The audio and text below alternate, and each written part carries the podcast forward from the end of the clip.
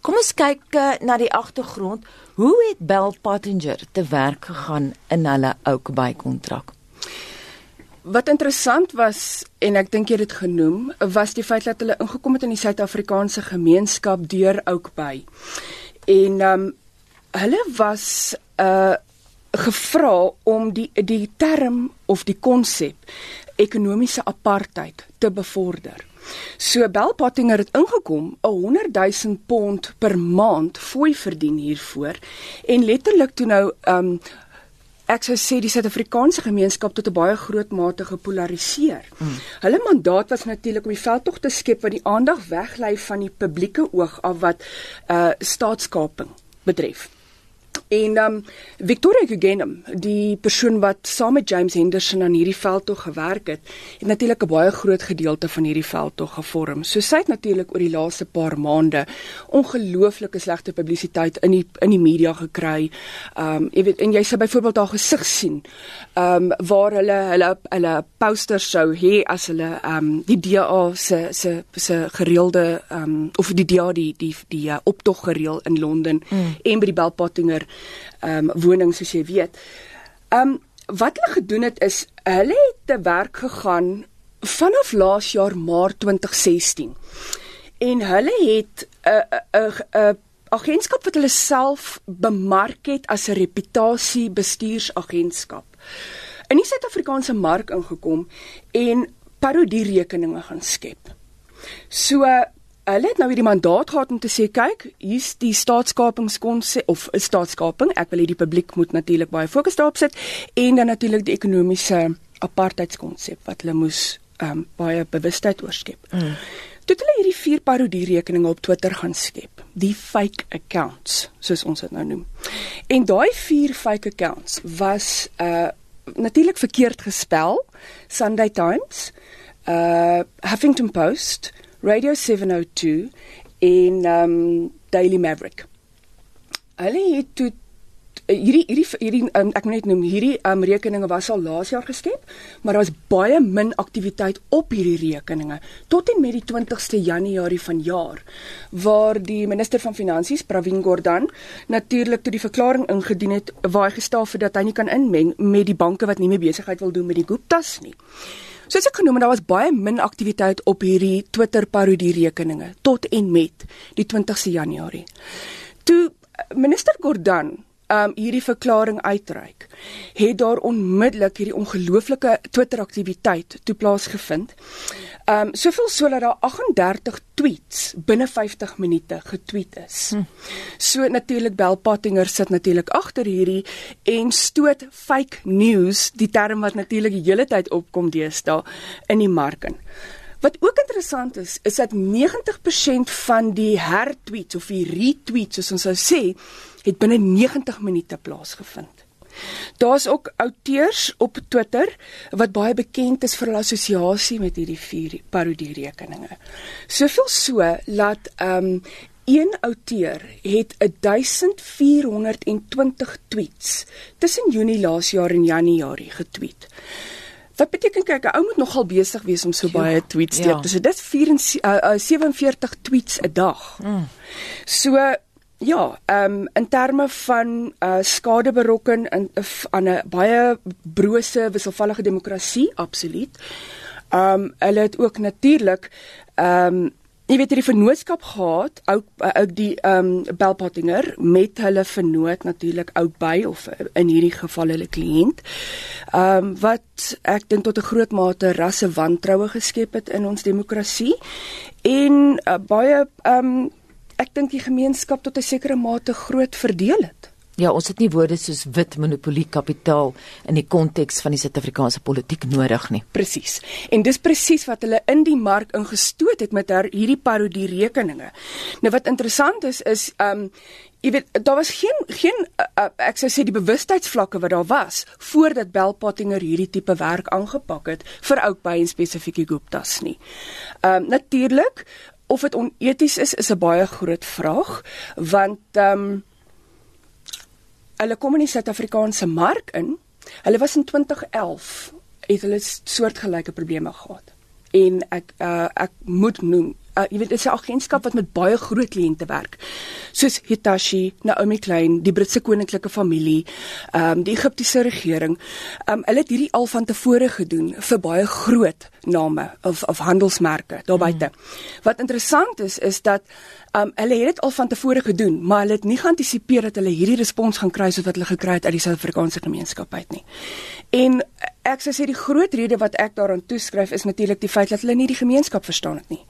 Ons kom uit 'n 'n 'n Suid-Afrikaanse of eerder sê Afrika konteks wat baie meer gemeenskapsgefokus is. Ons is nie individueel gefokus soos wat baie Europese state en dis meer gefokus is nie. Tweedens, hulle het ingekom en daai terme, ehm um, bewustheid oor hierdie terme gekweek en daarmee saam sou ek sê um baie transaksioneel. Hulle het ingekom om geld te maak uit die Guptas uit die Oakbays uit en ons kan dit nou sien, jy weet aan die einde van die storie um waar hulle baie geld verdien het vir wat hulle gedoen het.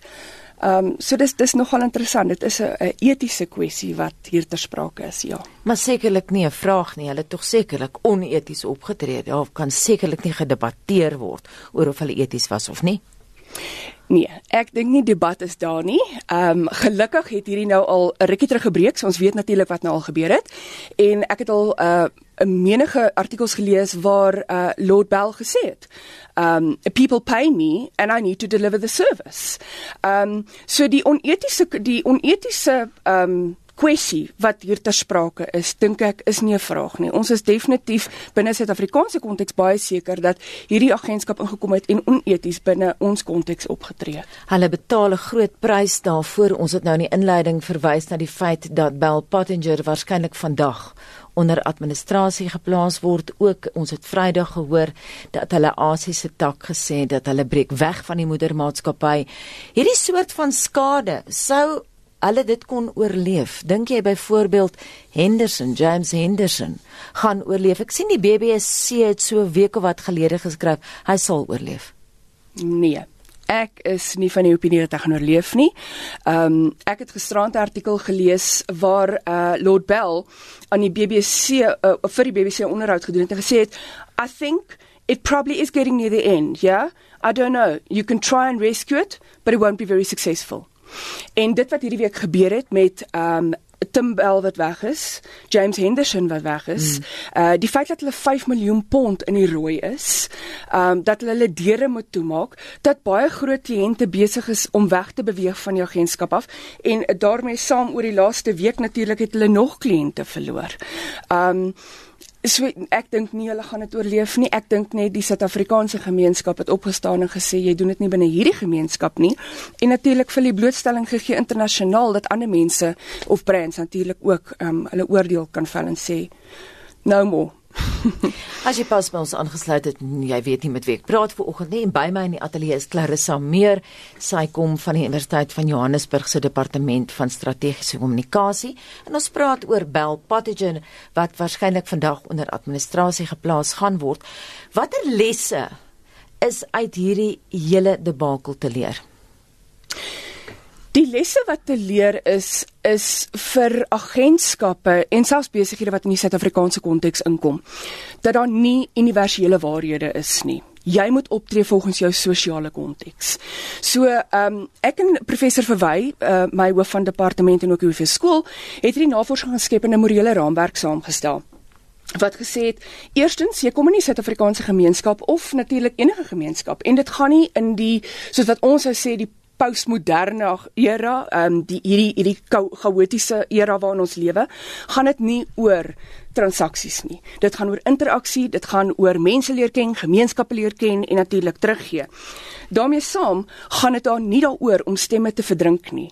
Dit gaan daaroor om vir mense 'n stem te gee en natuurlik die te dien waaroor jy omgee. Ehm um, dan ook natuurlik verteenwoordig jy net 'n kliënt of gaan jy in en kyk waar jy 'n verskil kan maak? Nie net aan groot gemeenskappe nie, maar jy weet die klein die klein soos wat ons gesê die klein pockets of van daai gemeenskap. En dan laastens natuurlik ehm um, die gaan jy in 'n besigheid en um het jy net hierdie teenwoordigheid en doen jy hierdie werk en beweeg in en uit uit hierdie gemeenskappe uit? Of is daar 'n tipe van um en ek kan nou nie dink in Afrikaans nie maar die sustainability jy weet is daar hierdie langtermyn belegging, volhoubaarheid. Dis hy. Is daar hierdie volhoubaarheid in terme van ek beweeg in hierdie gemeenskap in en jy weet baie brands het dit ongelooflik goed gedoen in die laaste paar jaar. Um en ek dink Bell Pottinger kan daaruit 'n les leer. En hulle die Suid-Afrikaners heeltemal heeltemal misgelees. Kom ons kyk na julle spesifieke studie, ideale studie vir studente hmm. wat uh, moet leer oor etiese optredes en so aan. Is daar iets wat uitstaan in terme van wat jy bevind het? Ja, kyk, ek dink daar gaan 'n hele paar nagraadse studies gedoen word na hierdie. Um absoluut. Ek dink nie en dat ek eerder sê ons is van mening dat daar nie op hierdie punt in tyd in ons bedryf 'n gedragskode benodig word nie. Hoekom nie? Um 'n gedragskode is basies 'n uh, raamwerk wat vir jou sê hoe jy sal optree binne 'n spesifieke konteks of oor die algemeen in 'n konteks. Ehm um, binne vandag se tye is dit so ehm um, chaoties eh, soos wat ek van tevore gesê het en daar is nie 'n universele waarheid nie. Elke sosiale konteks benodig 'n ander respons. So wat ons wel voorstaan is ehm um, 'n etiekskode of laat ek eerder sê ek dink ons bedryf gaan gaan deur 'n proses van hulle gaan eers 'n etiekskode ontwikkel en Ons stel natuurlik voor dat daar nie sulke goed bestaan nie, want mense oordeel en morele waardes as 'n praktisyn binne 'n kommunikasiebedryf is natuurlik wat aan die kern lê van wat jy elke dag doen. As jy nie individuele um oordeel kan neem en soos ons altyd sê gaan terug na weet jy is dit reg of verkeerd? Kan jy dit dan doen vir 'n kliënt vir geld? As jy nie daai oordeel kan neem nie, moet jy dalk, jy weet, bevraagteken of jy in die regte bedryf is. Hoe sien jy nou die pad vorentoe? Hoe het hierdie hele drama alles verander? Ek soos ek gesê het, ek dink nie Belpattinger gaan oorleef nie. Ek dink ons bedryf gaan 'n redelike groot metamorfose ondergaan. Ons professionele liggaam Prisa, Public Relations Institute of South Africa, is tans besig met die gesprekke rondom moet ons hierdie hele gedragskode hersien en ek is baie bly daaroor. Um ons wil almal natuurlik baie betrokke raak want soos ek sê langtermyn dink ek nie dis waar ons is nie. Ons gaan natuurlik deur fases gaan en hopelik hoop ek hierdie kode of etiekskode is ook maar net 'n fase. Um, dat ons kom by 'n punt waar mense verantwoordelikheid neem vir hulle gedrag. En dis nie net individueel nie maar ook in 'n uh, bedryfskonteks